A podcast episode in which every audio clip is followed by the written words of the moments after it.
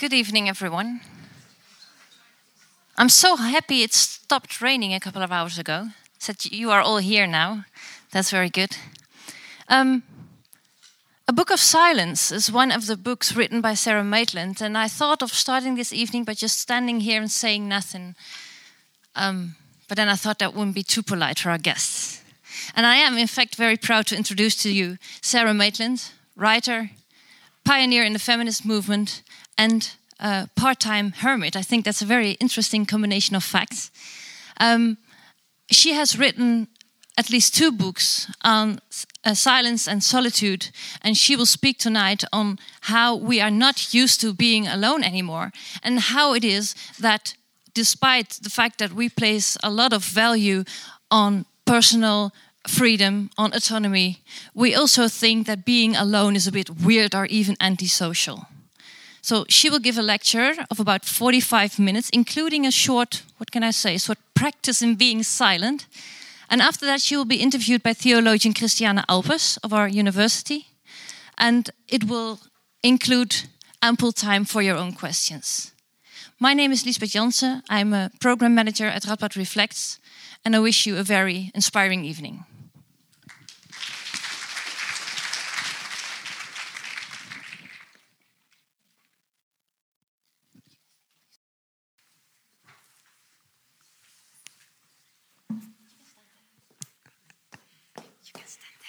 Oh, great. Good.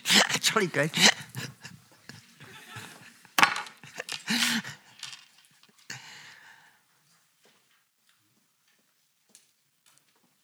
I uh, um, thank you very much, Lisbeth. Um, thank you all for being here, um, despite it. I've just realised that these are the most unsilent buttons I've ever encountered. Now I've probably messed the sound system up. Are we okay up there? Sorry about that. I put on my smart jacket for you, but it was useless. Hermits should avoid such things. Um, as Lisbeth says, I now live and have lived for the last 20 odd years um, as a quasi hermit. Um, the quasi is because I do wash my clothes occasionally. Um, don't worry. But I have lived on my own and in as much silence as. Yeah, I see it as an experiment. I see my life as an experiment. See how much silence we can have in modernity. Um, we'll come to why I'm doing this slightly odd thing um, in a bit. First, I should say that, like most traditional hermits, if we get a chance to talk, boy, do we talk. Um, and one of the problems with doing that in a language which isn't your own is talking too fast. So there's nothing I can do about the fact that I know no Dutch except apologize. But there's quite a lot I can do about talking more slowly if that's an issue. So if anybody thinks they'd do better if I taught Dutch, they can leave. And if anyone thinks they'd do better if I taught more slowly, could they just give me away? And then I'll give it a try. Um, I live in the southwest corner of Scotland, um, which is one of the areas below the snow line that is one of the least populated areas of Britain. In fact, it's one of the least populated areas of Europe. Um, there are some competitors, um, but it is very, very underpopulated, and I chose to live there uh, because it was underpopulated. But there's a slight complication because it's also within 50 miles of where I grew up. So I both went home and went to a new place. And um, I have an enormous family, many of whom still live in this rather obscure corner of Scotland. So, all round, I'm a bit of a cheat. But since I've been living there, um, the house that I live in at the moment, no, this probably is worth saying. The house that I live in at the moment I, is, um, was a ruin when I bought it just over 10 years ago now. Um, I built it to be a house for a single person to live in. And yeah, and I built it. I'm very, very proud of it. I've become even prouder of it since discovering from one of my brothers about two years ago that my other brother took a massive bet that I would not complete the build. so, all I'm saying is that my aloneness is punctuated by my own personal history, inevitably. I mean, inevitably, everybody's lives are punctuated by their own personal histories. And holding one's personal history together with one's present choices is part of the interest to me of what I do. But what I mainly do, or try to do, is look at why this is a weird thing to do. Why solitude and silence and interiority have become so culturally weird. Um, I see the central problem that I test against my own personal experience goes something like this. The question is how have we arrived in the, relevant, in the relatively prosperous, developed world at least, at a cultural moment which values autonomy, personal freedom, fulfillment, an interesting word, we'll come back to it, fulfillment and human rights, and above all, individualism, more highly than they have ever been valued in human history. And at the same time, these autonomous, free, self fulfilling, wonderful individuals are terrified of being alone with themselves. I think there really is a profound cultural problem. So, what we're meant to be is perfectly free individuals annoying a large range of other perfectly free individuals. Uh, well, we're probably not meant to be annoying them, but in effect, we're going to be annoying them. That is the reality of where we live. Um, I think this is particularly interesting, um, and now, it's a now question, because it has not always been the case that in Western culture there's been an endless fluctuation between the needs of the community, the individual's oneness with their community, and the needs of the individual. Um, and solitude kind of marks that, if, if that's the word for it. Um, it changes and it shifts. The Romans um, were people who valued your personal performance in public very, very highly. Um, a competent Roman was brought up for something called the cursus honorum, the course of honours. And honours in that context meant public duties. You were educated in rhetoric, that's public speaking, in law, that's public governance, and if you wanted to be a educated person of any respectability, you work up these layers. You could do it through the army or you could do it through the civic society, but you nonetheless were expected to do it. And people like Cicero, who reflected on what it was to be a good Roman, um, expressed it very clearly, really. Well, it would do if I could find the marker. Um, Cicero was a lawyer philosopher or a philosopher liar, depending on which you prefer, um, who came for later Romans to represent the kind of absolute model of late Republican morals. Um, anybody who wanted to bitch about the uh, empire would say, well, Cicero wouldn't have had any part in that. Um, but he felt very, very strongly that the people, hang on, the people of the highest character and noblest genius there is to be In men of the highest character and noblest genius, there is to be found an insatiable desire for honor, command, power, and glory. Uh, he himself represented that and articulated it. This is just sort of in the last century BC.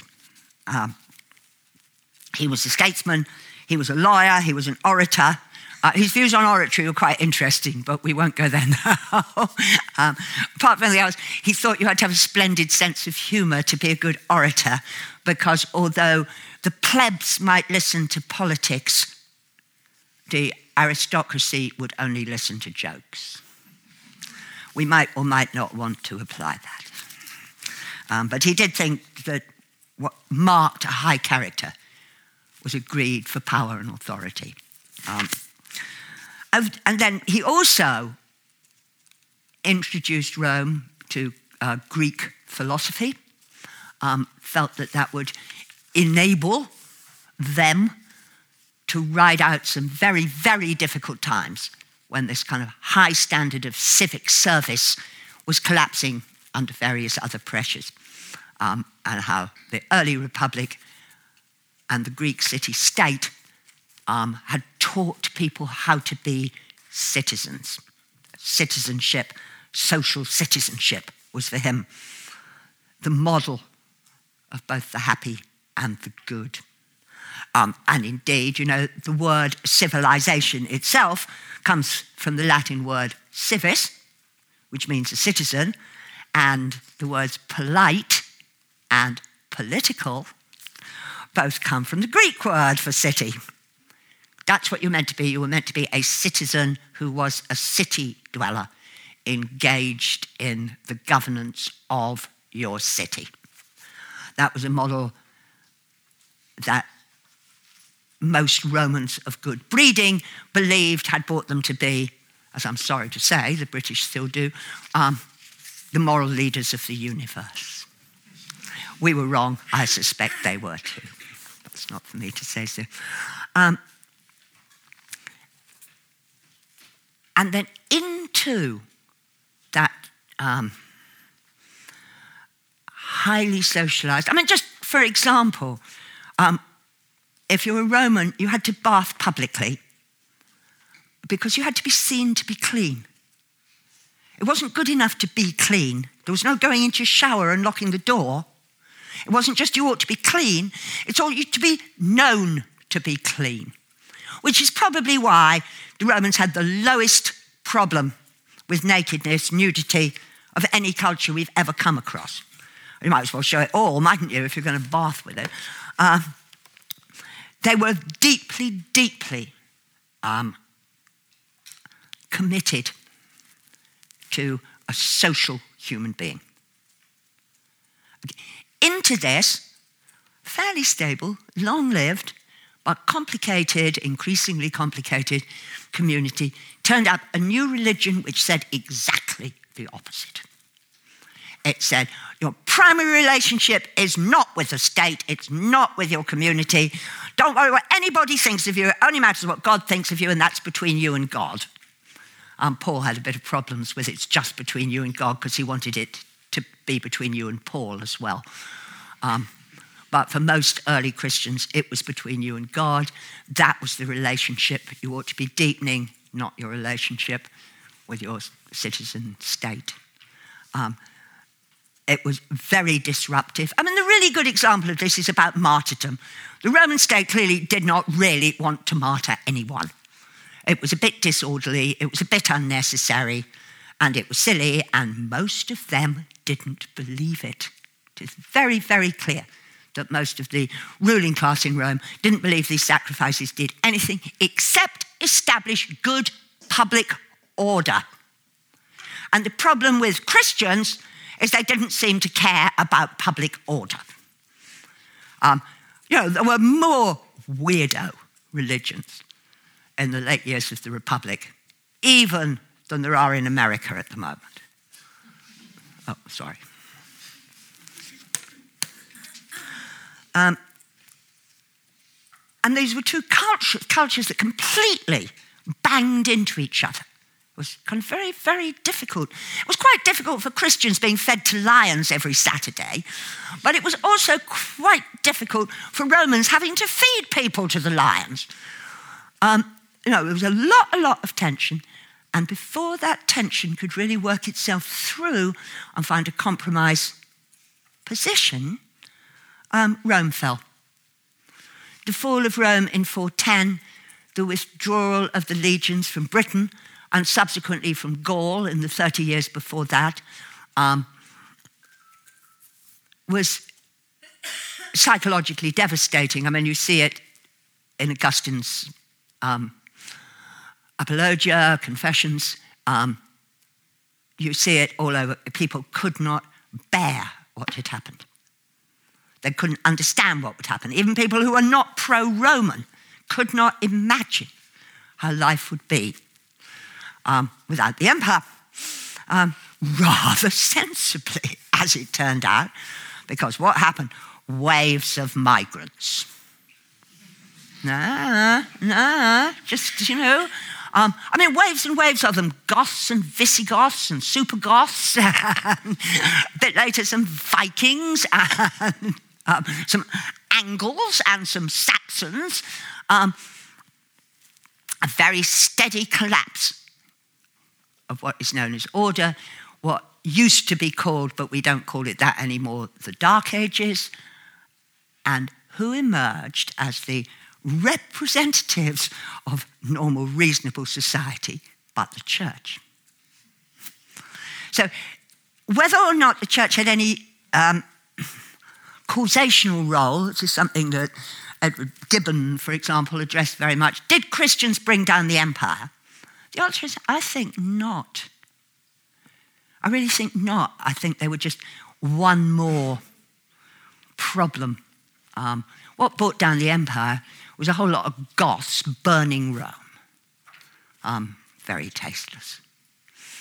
Um, and then settling.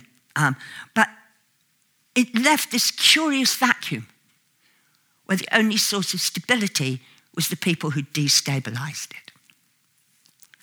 And I don't think we've ever quite recovered from that extraordinary conflict between the model of personal holiness, me relating to God and doing the best for the world, but only in relation to that primary discourse of salvation, and a citizen's first duty is to the state. And for the next nearly, not quite, 2,000 years, we wrestled this out in a kind of wave. So that, for example, solitariness was extremely popular in the late Middle Ages. Um, it was a, yeah, it was a very popular movement. You have to, I think, see saints fulfilling the role that celebrities fill now. They don't have to be very saintly. What they have to be is very visible and willing to perform that role. And a lot of those saints were, in fact, solitaries um, of various degrees, um, so that solitariness became holiness, became therefore spiritual empowerment, and that was now fixed around a model of stability. Um, and that went on very nicely for quite a long time. And then, as these things do, the swings. We hope it's going to swing back again, but that's, that's another story. We'll get onto that later. Um, after a couple of hundred years of solitariness and extreme rigorous self discipline, um, asceticism, um, solitariness, the piety, you have the Enlightenment, which quite, quite consciously saw itself as replicating Roman morals as well as Roman culture. Um, and they went right back to a kind of uh, anti solitary mood, including some really vicious hatred of uh, hermits. Um, they probably didn't know any. Um, so, on the one hand, you've got people setting up, there was a sort of fashion in England, I don't know if you had it here, for garden hermits. If you a, had a nice big landlord, you tried to find a hermit to come and live in your garden because it was very uh, stylish. But actually, they hated hermits.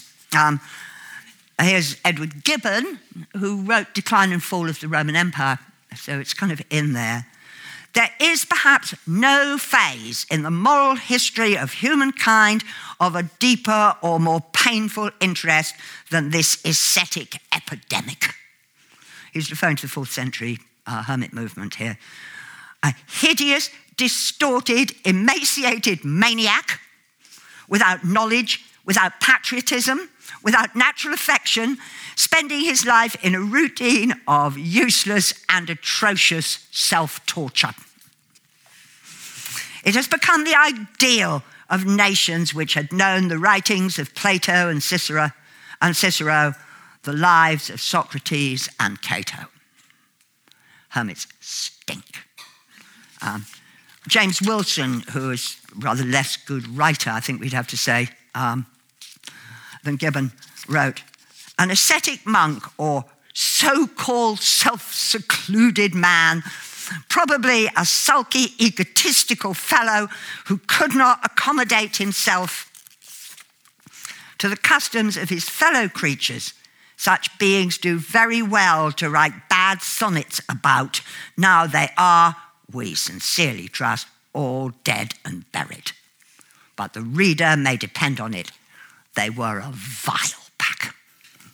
Uh, I'm not quite sure how St. Cuthbert um, or St. Anthony would have felt about that, but we're now in a, a, very, very strong attempt to get back to that model of a social culture um, that uh, supports civic well being over social fulfillment. Um, and as these things do, it kind of swung back with uh, um, Romanticism, where suddenly solitude became a beautiful thing again. Um, we have a, I'm sure many of you know, um, a poet called Wordsworth who shambled about the, at the top of extremely bleak hills, burbling on about the bliss of solitude, about how the world, by which he meant anyone who was critical of him, um, about how the world oppressed the natural genius, that what you had to do was get away if you wanted to express your own creativity, as we'd put it nowadays. Um, you had to kind of get society out of your head. Um, that, and that became extremely popular that idea that the pure me was contaminated by you. You is a collective, unspecified something, since all these people did, in fact, seem to wish to learn to read. Um, it was, yeah, contemporary society contaminated the soul. Now, the real reason for this history is that I think we've arrived in a new place, in a way where we're completely divided between these two things. So, on the one hand, we're very, very keen on our own autonomy, our own individualism. But at the same time, we want to be permanently in contact or connected to other people all the time. Now, what could it actually mean to have 4,337 Facebook friends. What can it possibly mean that 52% of people separated from their mobile phones um, demonstrate symptoms of anxiety? I mean, what is going on that these people who are arguing for the beauty of individualism can't bear? be alone. It's, I think, a very kind of curious and problematic and deeply problematic um, that we've over invested in personal relationships. We've under increasingly under investing in teaching children, particularly children, but grown ups too, to use solitude, to get the gains of it. And at the same time as that, everyone actually knows that solitude and silence are rather good for you, unless they happen to drive you psychotically mad. And they do occasionally drive people psychotically mad, but so, as a matter of fact, does everything else. It might be easier to say some people are psychotically mad, and we should take them out of our working out what is for the human good. No, it doesn't seem to me very obvious that um, young people who are massively attended to now. Um, there was a very interesting program on the radio quite recently in which people asked what was their happiest memory from childhood. And over and over again, people talked about being alone or being just with their peer group in wild places, in the countryside, doing nothing. Right? Same people were asked on the same program if they let their children do that, and they all said no, it would be too dangerous. in Britain, at least, except for the year of the Dunblane killings. The Dunblane killings were a very bizarre um, episode in which somebody, who, as a matter of fact, probably was nuts, um, shot 53 children in a playground. Uh, well, that did put up the figures for child deaths by strangers that year. Um, but apart from that year, the figures are absolutely flat. The same number of children are killed by strangers um, as were in 1953, last year, same as 1953. And yet, our perception that children are put endlessly at risk by being alone um, means that there are actually fewer children for the perverse killers of small children to kill. Um, so you could say the statistics had risen, but I think that would be a rather perverse way of looking at what's happening. Um, that children have very little solitude, and this is very odd because they're more likely to have to deal with it when they're grown up than they ever have been before. That the number of single person households, for example, is increasing very fast. Children growing up in very small families is increasing very fast. The length of widowhood for women is increasing in time very fast, surprisingly fast, um, even though men too are living to be older. Basically, everybody at some point in their life is likely to have to be alone. Is likely to be living by themselves, and we have no positive models for that. So I think, we, I think there really is a there's a sort of thing that makes me joke, it makes me laugh in a way, about the word loner. I don't quite know how that would work in Dutch, but loner is a word for somebody who lives alone, right?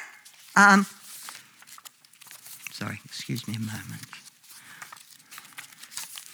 Right, if you, a loner has become, in Britain at least, a kind of tabloid shorthand for psychotic sexual killer. Um, he was a loner. Everyone was a loner. You don't even have to live alone to be a loner. All you have to do is kill a young woman. Um, ideally, two. That proves you're a loner. Now, that's quite new. I don't know. Did you have the Lone Ranger in Holland? Well, he was not a psychotic murderer.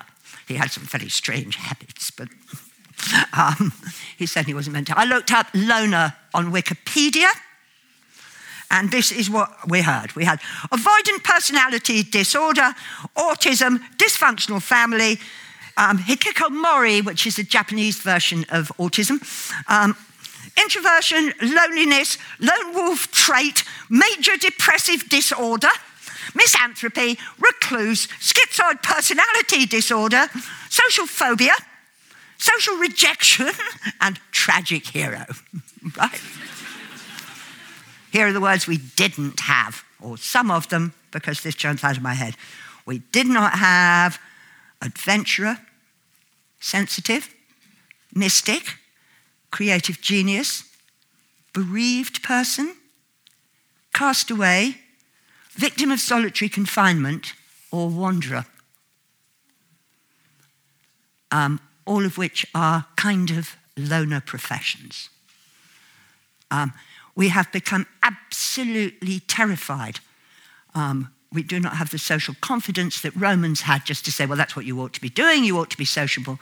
We have to make aloneness, silence, interiority threatening, and threatening in a wider sense. It's not just it's threatening to my sanity, my living alone is threatening to my mother's sanity. Um, well, actually, apparently it killed her. I'm sorry.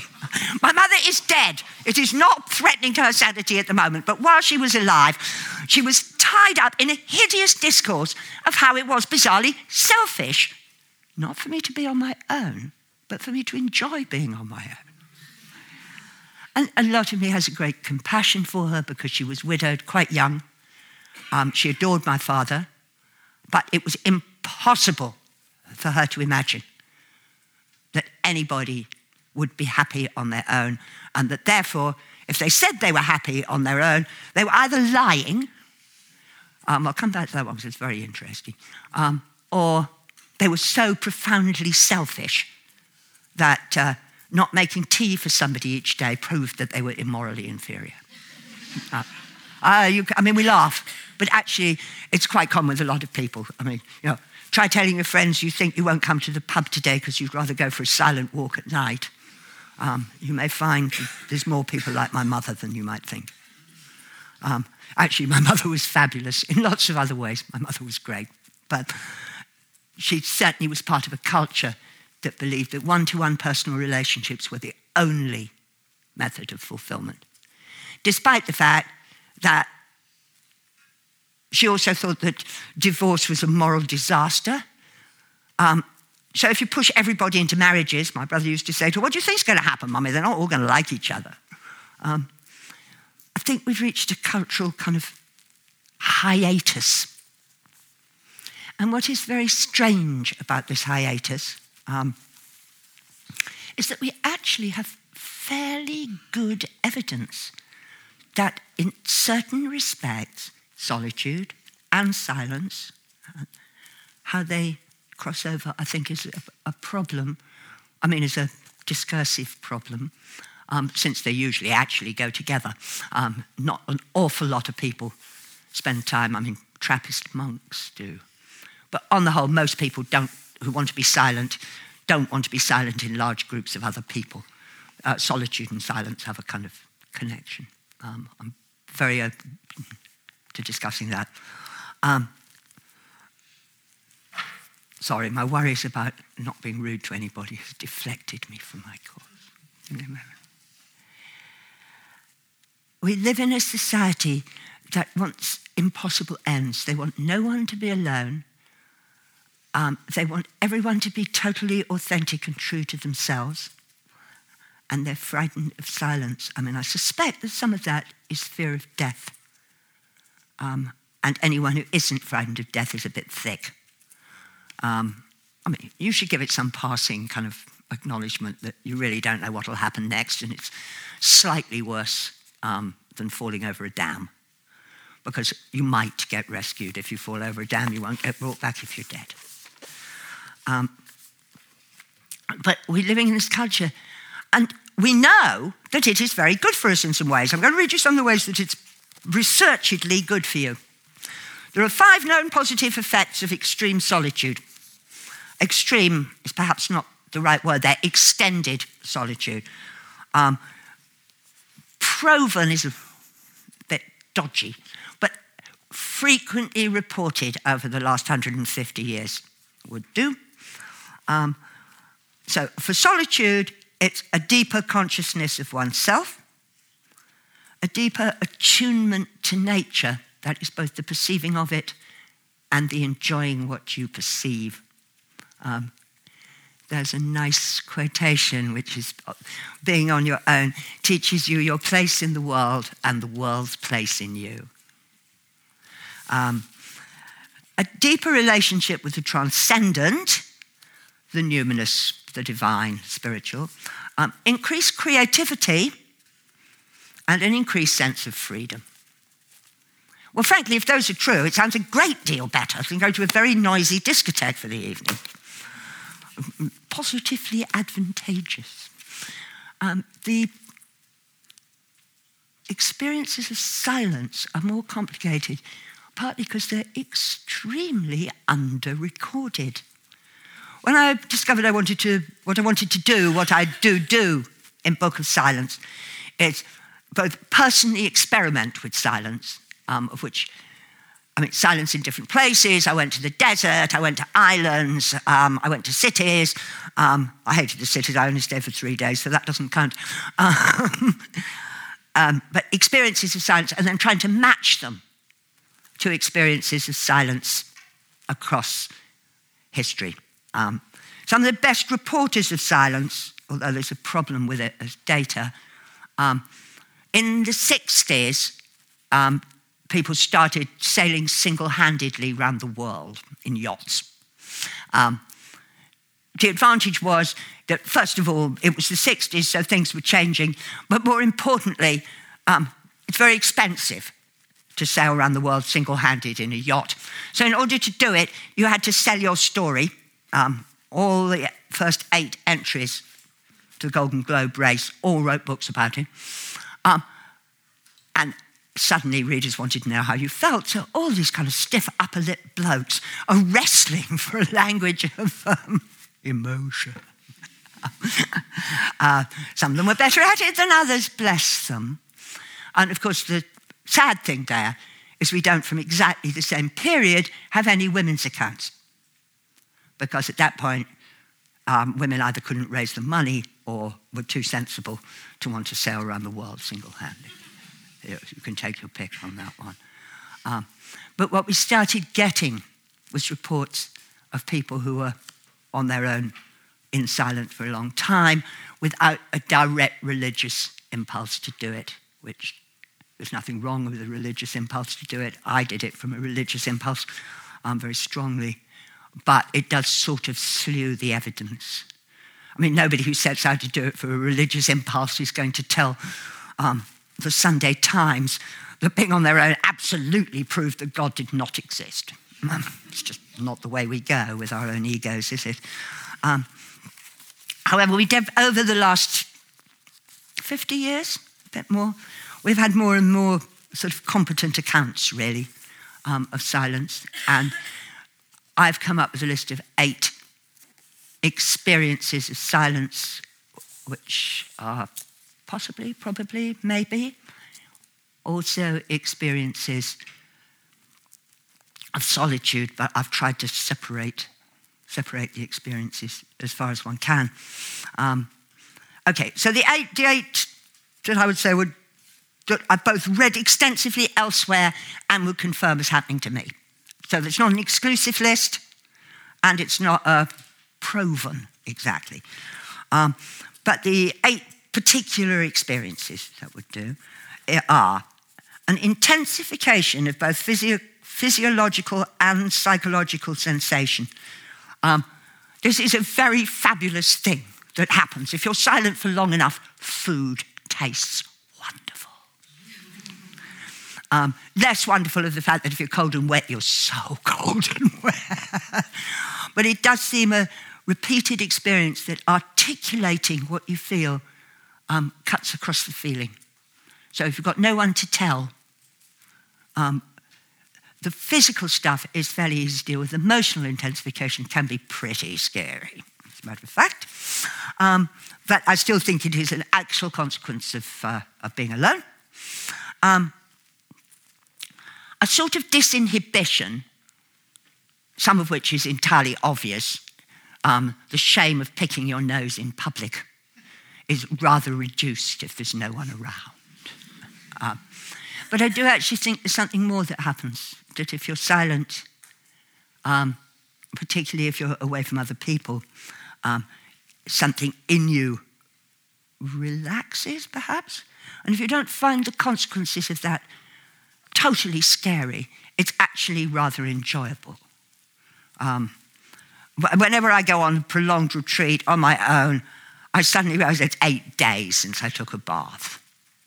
Well, I'm not really advocating filth um, as a moral stand, but in normal social life, I'd never go eight days without a bath. Not on kind of moral grounds or unmoral grounds. It's just after a few days you have a bath. Actually, you don't need to have a bath that often, I can assure you. I did have one this morning, don't worry. Um, disinhibition. And then you get into the really good things like a sense of givenness or connection, which is very common experience both for explorers who have it in relation to nature and saints who have it in relation to God. That absolute sense that you are part of everything and what usually ends those states is a kind of assertion of ego. And I know nobody who reaches those states while not silent, um, except, if I may say so in heavy brackets, just occasionally for the lucky people, and I'm not one of them in sex. That does seem to be possible there. But the most normal experience of total connection with the universe is on your own, um, and I think is an effect of silence. Um, a form of auditory hallucination, which is quite difficult to pin down because it's clearly not a psychotic symptom. Lindbergh, the first person to fly the um, Atlantic, um, had ghostly figures who advised him on his navigation. They'd step forward from the back of the aeroplane and tell him what he ought to do next. Now, we know that Lindbergh was not a nutcase. In fact, he was an intensely boring human being. Um, so, what is quite is happening when silence induces a sort of hyper hearing? I have a theory about this, but I won't go into it now. Um, is quite interesting, but it certainly seems to be the case that whether you're hearing it as the voice of God or you're hearing it as um, the voice of your own insanity, it doesn't matter. When I did my longest, longest silent retreat, um, after about week two, I became absolutely convinced there was a male voice choir singing Latin psalms in the bedroom. And what was really interesting about it is I knew perfectly well the word and the two things could exist together. I think the Latin's quite interesting because I don't have very good Latin, but I have some. So I know how to make sense of what they were saying without it feeling like a completely alien language. I mean, if they'd been talking Japanese, I'd have been in trouble. I think, I think that would be right. Um, I think there's a, another thing that happens is a boundary confusion. The lines between time um, yeah, time and place, but time particularly, um, interior and exterior, self and other, except there is no other. Um, all those things get very, very blurred after long silence, which I think is sometimes interpreted as insanity. But I don't see it needs to be. It's actually very pleasant. It's jolly nice to think that you might be a babbling brook today or whatever. Um, an exhilarating consciousness of being at risk, which is really just a regression to childhood. Do you remember how exciting it was to go on those appalling fairground rides? Ideally, the kind that tipped you upside down. We were meant to be scared. Scared was great. Um, we tend to lose that, I think. Um, it's a jolly nice feeling when you get it. Um, and ineffability ineffability is the, the term that we have in Britain for a feeling that something cannot be expressed in words. Is there a Dutch term for that? Is there a Dutch word for ineffability? There's lots of Dutch words. Trying to get up the Dutch. Um, Ineffability is held by quite a lot of writers on the mystical life to be proof of the validity of the mystical experience. If you can't actually explain what happened, it wasn't a mystical experience. Well, um, it's not going to exactly encourage people to try and work it out, is it? If you can tell me what happened, it didn't happen. It doesn't seem very useful. But my own sense that there is a deep mystery that is out with language. It's not just without language. Oh, sorry, out with is a Scottish word that doesn't exist in English, which means without, without there being any absence. So if you have a cottage just outside a village, you live out with the village. You don't live without the village. And for us, the famous example is there's a hideous, really, uh, um, Good Friday hymn, which goes, There was a green hill far away without a city wall. And the number of children are completely baffled as to why on earth a green hill would have a city wall around it is in fact because without means something entirely different. That means it was outside the city. Um, and I think that ineffability, those things that are without language, are out with language, um, are a consequence of silence, that there is a meaning, a depth in good quality silence that cannot be pulled into language. And I think we need to be very, very careful about writing that off as nothingness, as void, as absence. I think we're wrong to suggest that um, silence is simply an absence of noise.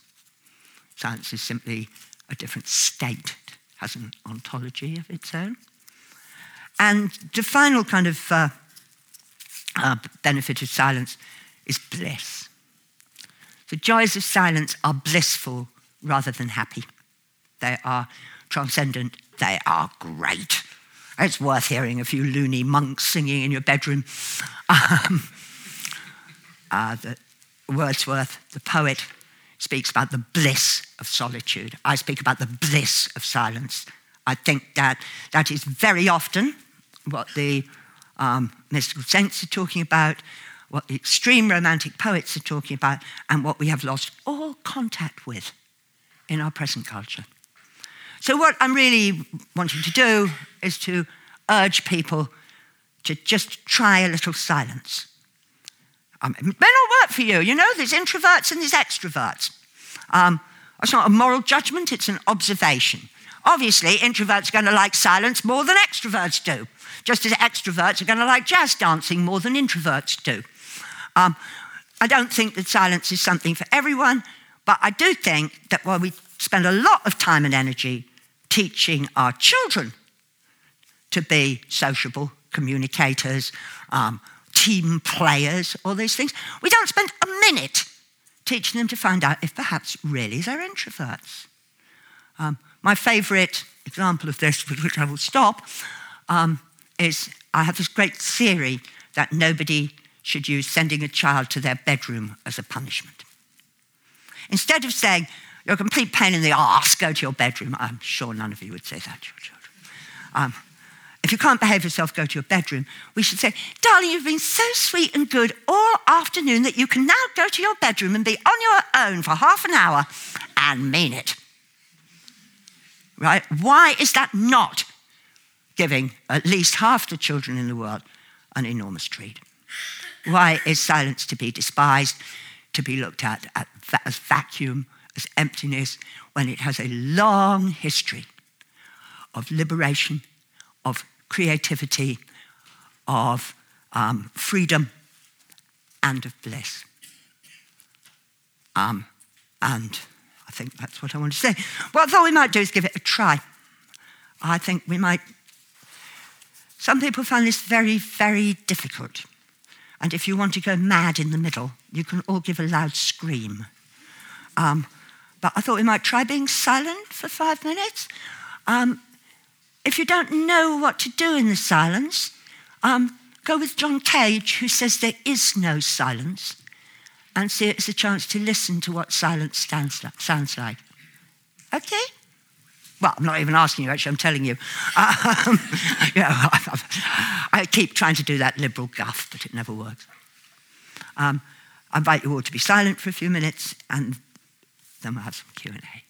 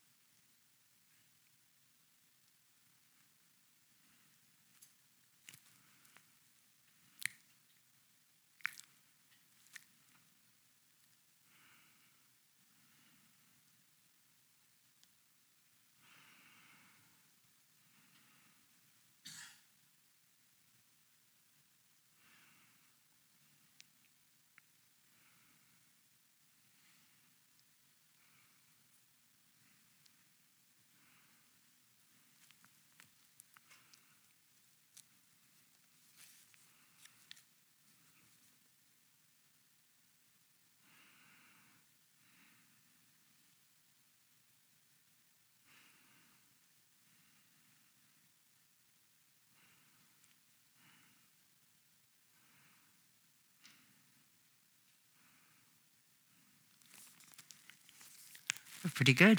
Pretty good.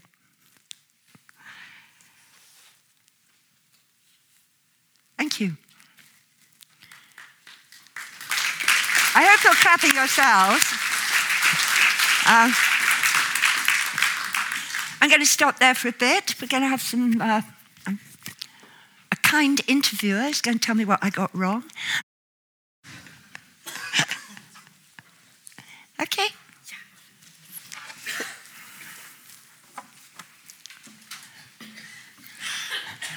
Are we struggling? Oh.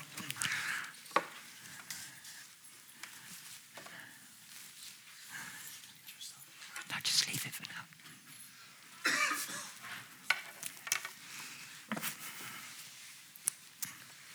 Well, um, first of all, thank you very much, Sarah. This was really inspiring and quite a powerful experience, I think, at the end. Thank you.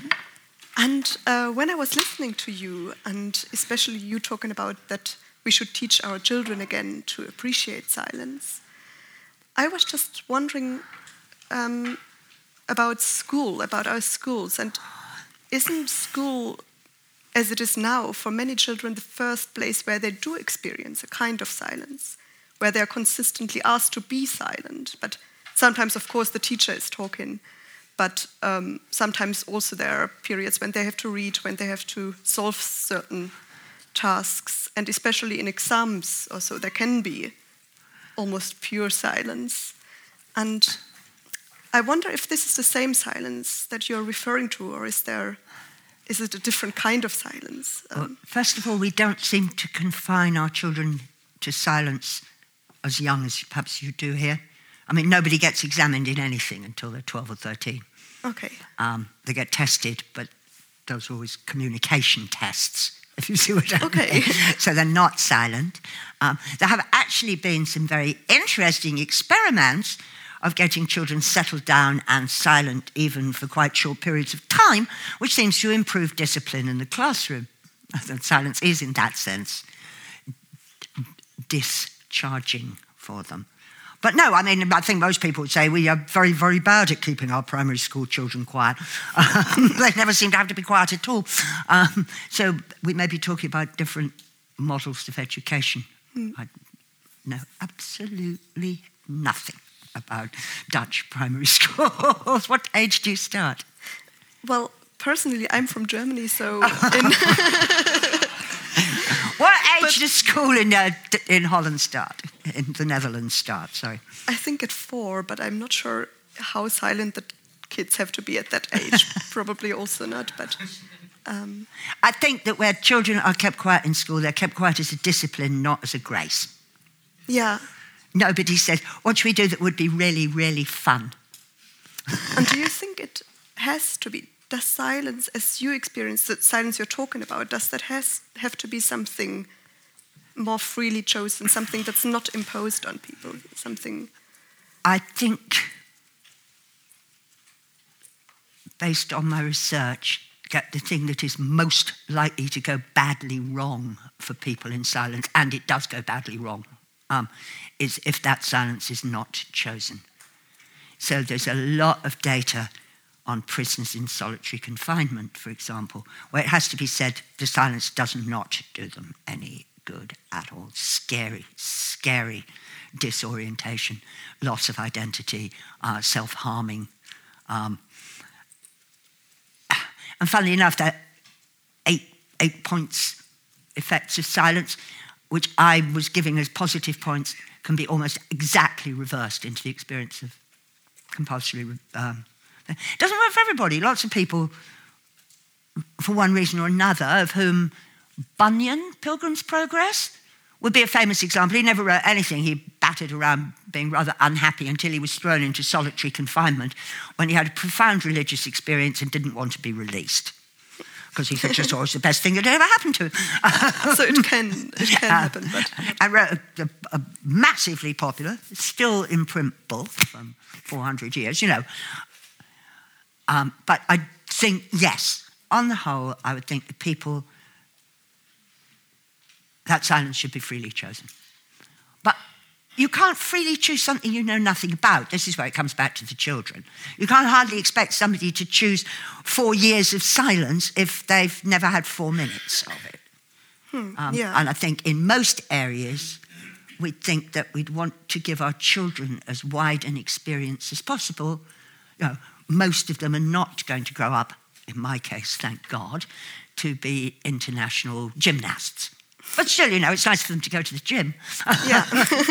now, you don't need to be going to end up as a hermit to find out whether silence might be fun for you yeah. whether solitude might be fun for you. We live in a society that says children need this constant accompaniment. Um, and maybe some children do, I think, the, I think the freedom to choose depends on you knowing what choices are available. Yes, that makes sense. Yeah, That so you can't choose that anything that some, you have never yeah, that some sort of uh, experience of silence in education should be there as much as some sort of experience of some kind of sport. Um, Yeah. Books, good lord.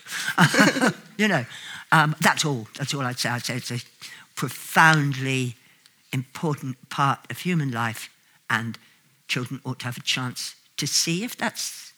No, I'd like all children to have a chance to try playing a musical instrument too. Yeah. Even though I don't expect all of them to.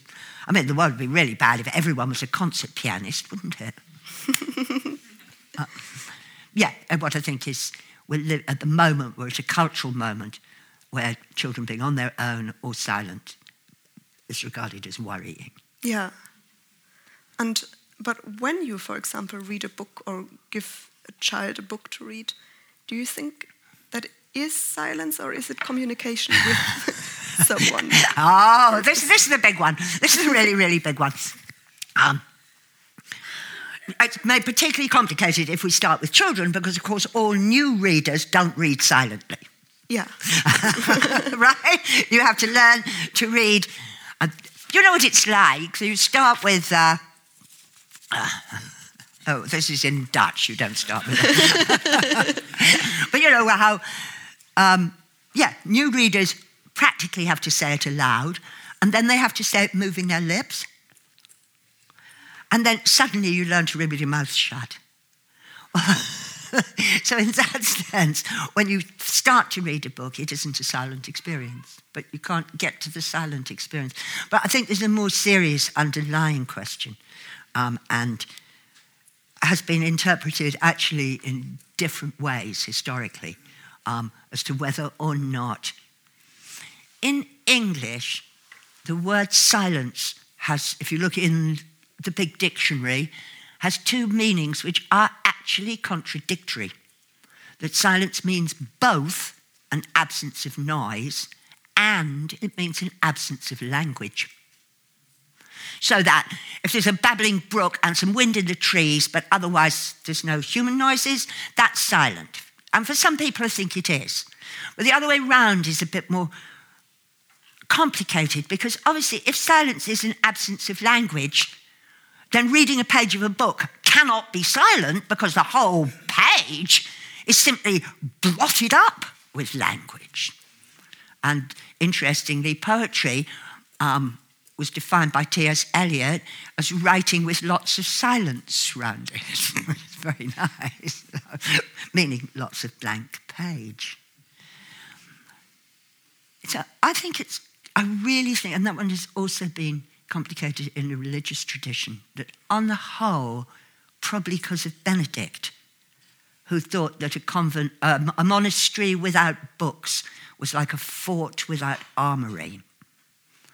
Um, he thought that reading was part of the monastic experience. That's much less so of the churches of the East, um, who are you know, much less inclined towards reading and book study, and is, of course, within some Buddhist traditions, absolutely a, a negative of silence, that reading to yourself. So, I mean, the problem is there's not many of us in the West now who have tried either long enough to tell you the answer. You know? Yeah, Um, yeah, I read, I can't imagine not reading. I feed my face by writing. Um, sometimes I feel that having a dog is a bit of cheating for being a hermit. My dog's fabulous, by the way. Um, but I never feel that for me, reading or writing is somehow short circuiting what I'm trying to do. But that could be because I have bad personal judgment. um, it, but there is a long division, sort of historic yeah. division between those people who think that reading is a silent experience and those people who think it is a language experience. It's very ambivalent. Yeah. And it's made more ambivalent, you know, because people actually couldn't read silently until about the fourth century. Yeah, true, true. And it makes sense that in a single lifetime you can't, you just can't yeah. compare yeah. all the different thoughts. But I wonder, since you have such a long experience with silence already, um, are you still experiencing new things, like really absolutely new things in silence? Yes, all the time. but some of them aren't experiences directly of silence. I'm sorry, that sounds ridiculous. Um, I have become and continue apparently to become a much better noticer of natural phenomena of nature. Like this just before I left home, I discovered we have a, a, a plant, I don't know how you'd call it, um, which is called a blackthorn, um, and it flowers before it puts its leaves on. But it's not flowering yet. It has buds that look like tiny little cauliflowers. I have never noticed them before, before last Tuesday or Wednesday. Okay. wow. that is a new experience, and it's an experience that I know for me comes out of silence. But I'm not sure how um, world changing the discovery that Blackthorn has. Um, I mean, this comes out of an extraordinary and growing sense of how much silence there is in the world. And part of it is that all organic growth is silent all those, did, we did not hear a single one of all those daffodils um, in Den Haag. They didn't go, Pop! it's silent. You know, two months ago, they weren't there. There was nothing to see. In two months, they have grown probably about 18 inches, have put out these extraordinarily brightly fires, and they didn't make a sound. Organic growth is silent. Um, as a matter of fact, lots of other things are silent as well that we forget about. Gravity. things under the influence of gravity make some noise, but gravity itself, it's not lying there saying, Come, little stone, come, come, come, come, come, come. It's silent. And of course, the one that is scary is that all of space is silent. As yeah. soon as you get beyond the atmosphere, because sound can't travel through a vacuum. That is an awful lot of silence. So it seems to me quite important that we should both enjoy it and find it meaningful, actually, because otherwise we're really alone in the world. It is fascinating that the sharpening of the senses seems to continue even after such a long time with silence. Well, it could be because my life's so boring, I've got nothing better to do, but I don't, I don't, I don't experience so. it that way. um, but I also wonder, since you seem to have the, yeah, this attraction to silence, or seem to have had it for a long time as something that is positive and enjoyable in itself, so to say, and this is the one strand that I can see in your thought and talking. But the other strand is that if people say this is selfish, it's selfish to pursue it, you want to convince them of the opposite. and that's because I'm I, a very bossy person. that's got no philosophical basis. That's, the, that's a psychological thing. I'm one of six children. The top five of us are within just over six years of each other. If you weren't self assertive, you never got anything. Okay. it's why we also, and we still joke about it, we all eat incredibly fast. and we, we know perfectly well we eat fast because if you're not the first person to finish, there won't be any more. not because we were starved, but just because well, there were a lot of us. Um, okay, more seriously, um, yes, I would like to persuade people, um, although, of course, the only people that are available to be persuaded are people who don't need persuading. Like, presumably, everybody who came tonight thought that silence was possibly quite interesting. Um, all the people who think it's mad or bad or sad didn't come. Um, so my. Well, you never know. Did anyone come here thinking we could always shoot her? No. you do not have to answer that question. Um, you know, I'm really, it, it's not just that I like it, it's that I'm excited by it. Um, suddenly, when I was nearly 50, um, when my children had left home, I suddenly found the most exciting thing. And yeah, in that sense, I'm proselytizing. yeah, I think everybody should try it.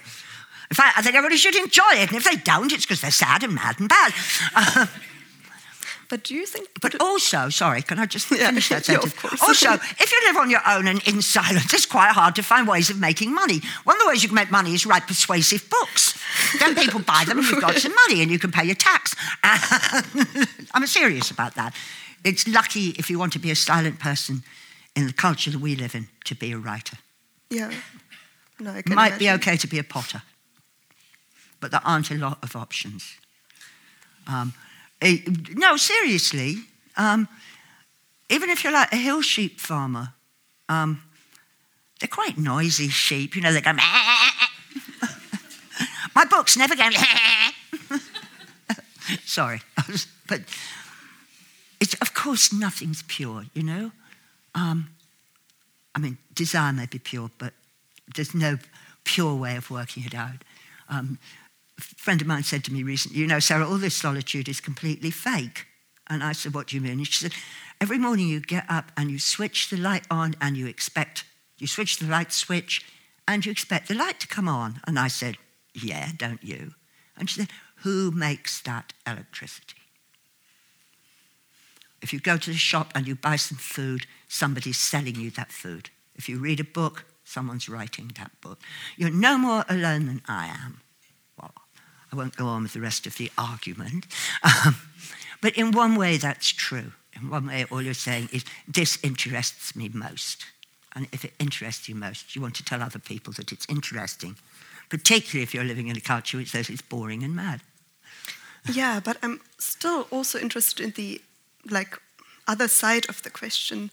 Like, do you think if a society had a few hermits and no one would know of them, would that still serve the society? I mean, just uh, what you think personally about it. What is your intuition? I think I shall need a lot of silence to answer that question. Okay. I think that is a really interesting question. I think that for me, that would be, for me personally, yes, there would be an effect, but that's actually not about silence itself, but about my own faith.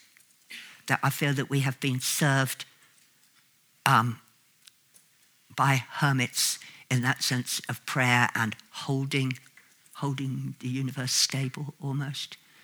Um, that it doesn't matter whether anybody knows or whether they don't, um, because they know the result even without knowing the cause. But another bit of me thinks actually I'd be headbanging if nobody listened to me. Know, I think, I think that's a seriously interesting question, whether some people holding the silence. There's a very, very beautiful um, Irish monastic text in which somebody asks this community after the Romans have withdrawn um, what the hell they think, they think they're doing in this increasing chaos, and they say, We're lantern bearers. We bear the lantern that keeps a tiny light through the night because one day there may be a dawn. And I suppose I'd want to say that not necessarily of my own, but of that tradition that says we do it because it needs to be done. We need to keep that candle alight. Uh, maybe, maybe. Sounds awfully solemn, doesn't it? no, thank you. You know, I think we live in a culture that is fragmented, noisy, um, scary. Um, yeah, I think we need, I think we need lantern bearers. I think we as a society need lantern bearers. Um, this has a sort of kind of edge to it because I live in the only dark sky park in Europe, which is a place that has so little ground light that you get spectacularly good view of stars. And you get all sorts of, well, we won't get any more EU money, will we? Whose fault was that? Um, to maintain your the dark sky park. So all our villages in the area um, have downward facing street lights, um, special LED lights that don't pollute. Um, I think it's possible to see silence holders, silence dwellers, silence carriers as doing what stars do on a good night. They don't in any way make this. It's not like the sun. The sun makes everything light. The stars don't make anything light, but they shine in the dark. I think that can't be a, you know, I think we're quite a perilous cultural, historical point at this moment. I think everybody should be trying everything, really. Um, lace making. Any lace makers? I mean, it'd be a pity to lose that skill, wouldn't it? But I think it'd be more of a pity to lose the tradition of silence than of cushion lace making. Actually. I agree. I agree. so I could ask you so many more questions, but I think we should also give the audience a chance because they might have some as well. Um, so if you have a question, could you just raise your hand and um, ask it in English if possible? And then there are two people with a mic who will come and just hold the mic closely so that everybody can hear. Um, yes, there is someone here in the front.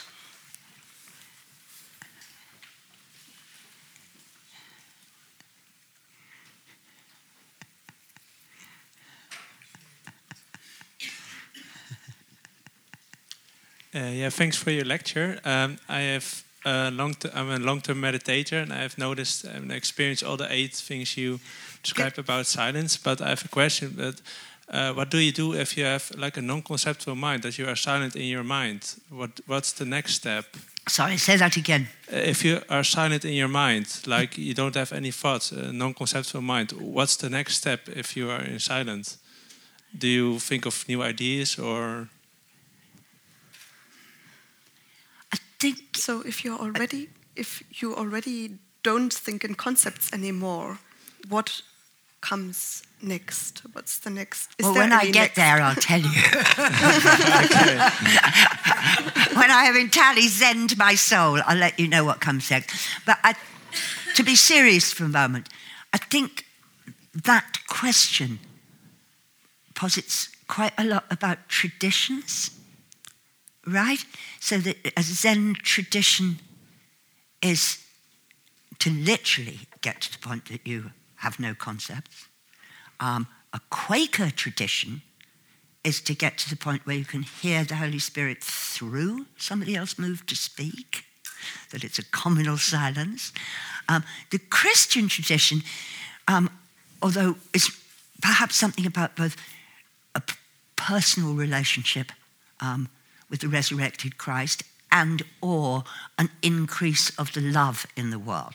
What do I do on those astonishingly lucky occasions that um, I actually get to quiet my both my head and my heart is usually feel so smug that I have a hot shower. um, what's the, but if you mean more seriously, what's the long term goal of it?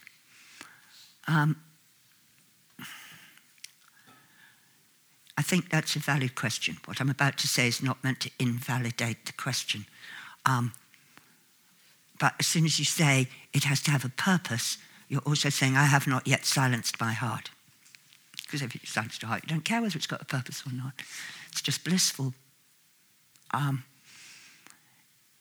so I think there are two sorts of silence. And I think this seriously. I think there's what there's the silence in which you are silencing everything outside in order to hear your own authentic voice. The poet's silence would be one way of expressing it. And there's the uh, perhaps religious or spiritual silence when you're trying to, so you're trying to, the first case, you're trying to fulfill your own authentic inner self. And in the more religious case, you're trying to abandon it. You're trying to self empty, presumably so that you can hear the voice of God. Now you won't, so I suppose, in that sense, for me, the purpose of silence is to hear the voice of God. But I would have to say it didn't happen every Thursday afternoon. Thanks. Is that the right question? Did I understand the question? Yeah, yeah. I've experienced all those things, and yeah. I think I'm. And what do you do next? Uh, I don't know. I think of new ideas to change the world. I, co- I come to Holland and give talks. um, Is there anyone else? Yeah.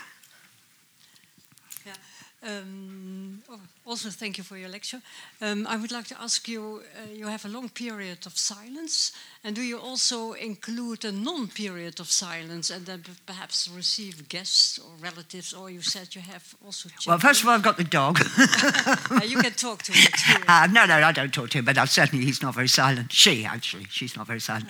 But I also have two completely wonderful children um, who are grown up, but nonetheless, occasionally with Okay, I think I, I, I hear what you're saying. Um, I really do.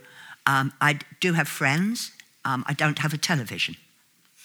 Um, I suppose it's not that I'm completely silent, but that I choose more, I exercise more choice over when I do not have silence than many people get to. Um, there's a very, very stern um, fourth century hermit called Arsenius, and he was immensely severe.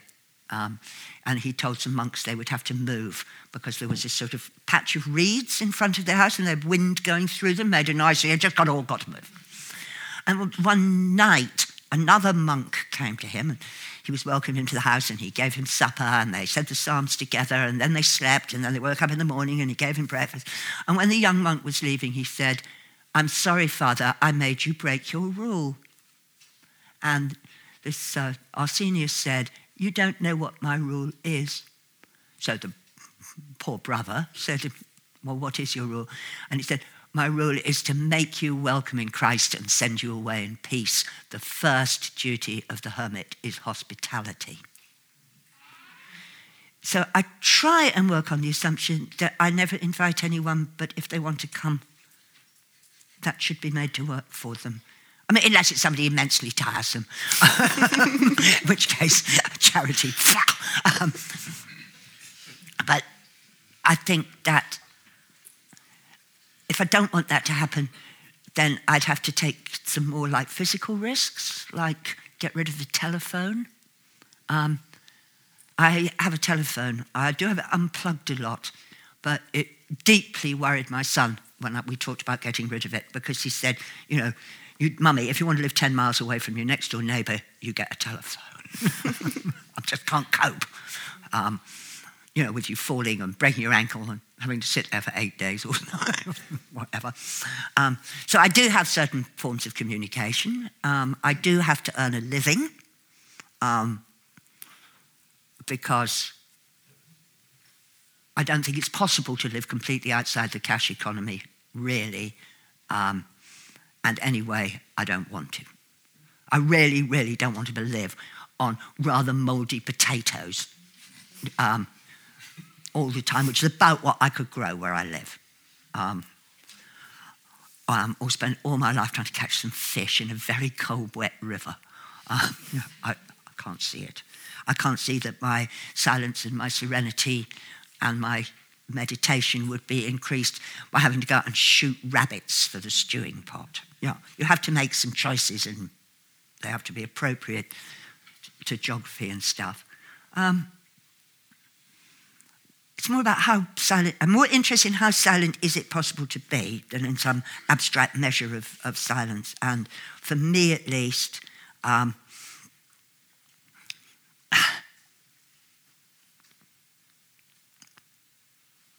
yeah, for me at least, there are some other needs and they have to be put sensibly into pattern. Um, there needs to love my friends, there needs to be loved by my friends. Those are both needs. Um, ditto for the children. Um, say indeed for the community that I live in. I live in a very rural community. I don't know if other people live in very rural communities, but if you do, what you find is you become extremely complicatedly dependent on each other. So, like, not long ago, we had a power outage. You know, we were in the middle of a storm. It was an appalling night. Um, the electricity all went off. And at that time, we had an elderly couple who lived about a mile from two miles from where I lived. They don't live there anymore. It's all too much for them, very sensibly. So I thought, I've just got to go and see if John and Jasmine are all right. I really, you know. Then I think, because it was pouring with very cold rain, I thought, no, no, no, the hermit does not do this. but in the end, I thought, I'd better go and see if they're all right. So I got in all my wet gear and I stomped down the track and I arrived at their house. There was somebody there from every house within nine miles that people had just thought, we must see if John and Jasmine are all right. Um, as a matter of fact, we then had a fabulous whiskey strewn, candlelit piss up. but, you know, I live in a community where that kind of care would be taken of me. It has to be responded to at some level, I think. People are immensely tolerant of me. Um, if my rather fabulous neighbour, who is the person most likely to pass my house because he keeps his sheep on the hill above where I live. So he's the only person who ever has cause to pass. If he has something urgent he wants to say to me, he has this little white flag that he waves. so that if it's absolutely impossible for me to talk to him now, I won't go out, but will the next time he comes. and it's sort of a joke. He's teasing me, really. I don't think he believes much in hermits. Um, so I, I, think they're complicated. That's, that's all. I think it's complicated um, because I think I think there's an obligation to love. I think there is an obligation to love which has to, just as silence has to have some real concrete reality. You can't just say, oh, I have a silent soul. Um, now I'll go to the disco. Um, you can't say, oh, I just have a loving heart and my neighbours can uh, freeze to death in this cold night. some of glad I don't get treated that way either. All our water froze up not long ago. We got snowed in up our valley. It was quite weird because we didn't have much snow in the valley. We just couldn't get in or out at either end. Okay? And all the water froze, so we had no water and we had no electricity. This was for five or six days. We're not talking about. No. They did put a helicopter over every day um, and dropped us all leaflets saying we could put out these red X's, make them out of something in your house if you needed something urgent, but they'd be very cross if you did. okay. Um, every single day, somebody whose name at that stage I did not know bought me 15 litres of water on his quad bike in a jar. I did not discover until after it was all over that he was hand pumping them because his mechanical pump had frozen. He didn't tell me, he just did it. Well, you know, you're going to talk to those people, aren't you? the even better bit of it, which I was not going to say because it's a little embarrassing, um, is on about day three of this, the phone rang because the phone stayed on. Weird. Uh, and it was somebody who I really don't know, who lived about five miles away from me.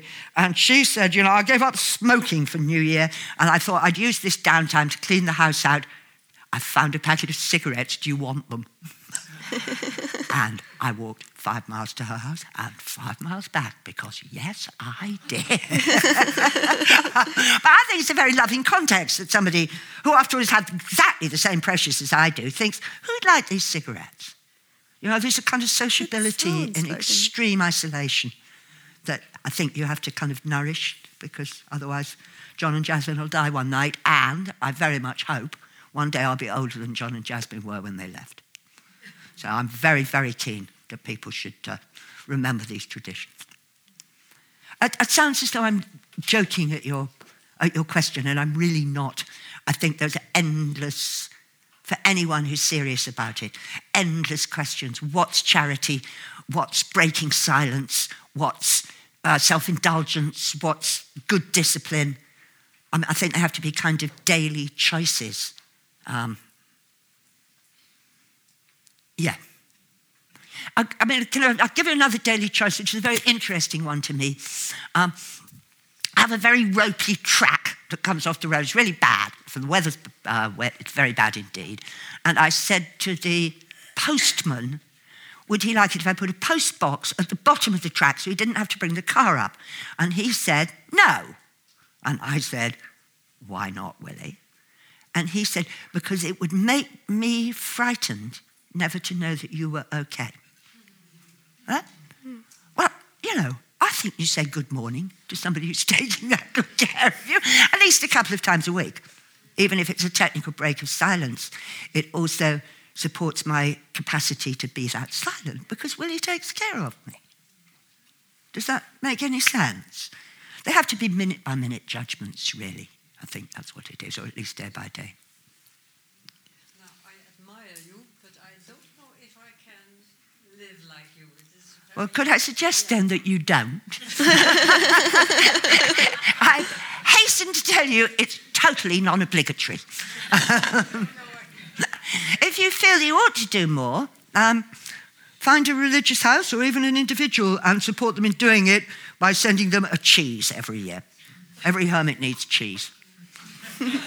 All I'm saying is if you think it's a thing that's worth doing in the world and you don't want to do it yourself, support someone else in doing it. You know? Uh, we can maybe we can talk later on because we have we have to end. but um, the people of the Cultuurcafé have assured me that they will stay open an extra hour, especially for us. So there's plenty of time to talk on with each other and maybe even with Sarah Maitland, who's even. Uh, he's always also happy to sign books. We have, as you may have noticed already, a small book table outside of this lecture hall. You can buy her books and support her financially and have your book signed Cheese, cheese, I want cheese. and cigarettes. so for now, thank you very much, Sarah Maitland. Thank you, Christiana Alvers. And thank you for being here and being attentive. Um, hope to see you sometime soon. Oh, and by the way, videos, podcasts, and pictures of this lecture will appear on our website very soon. thank you.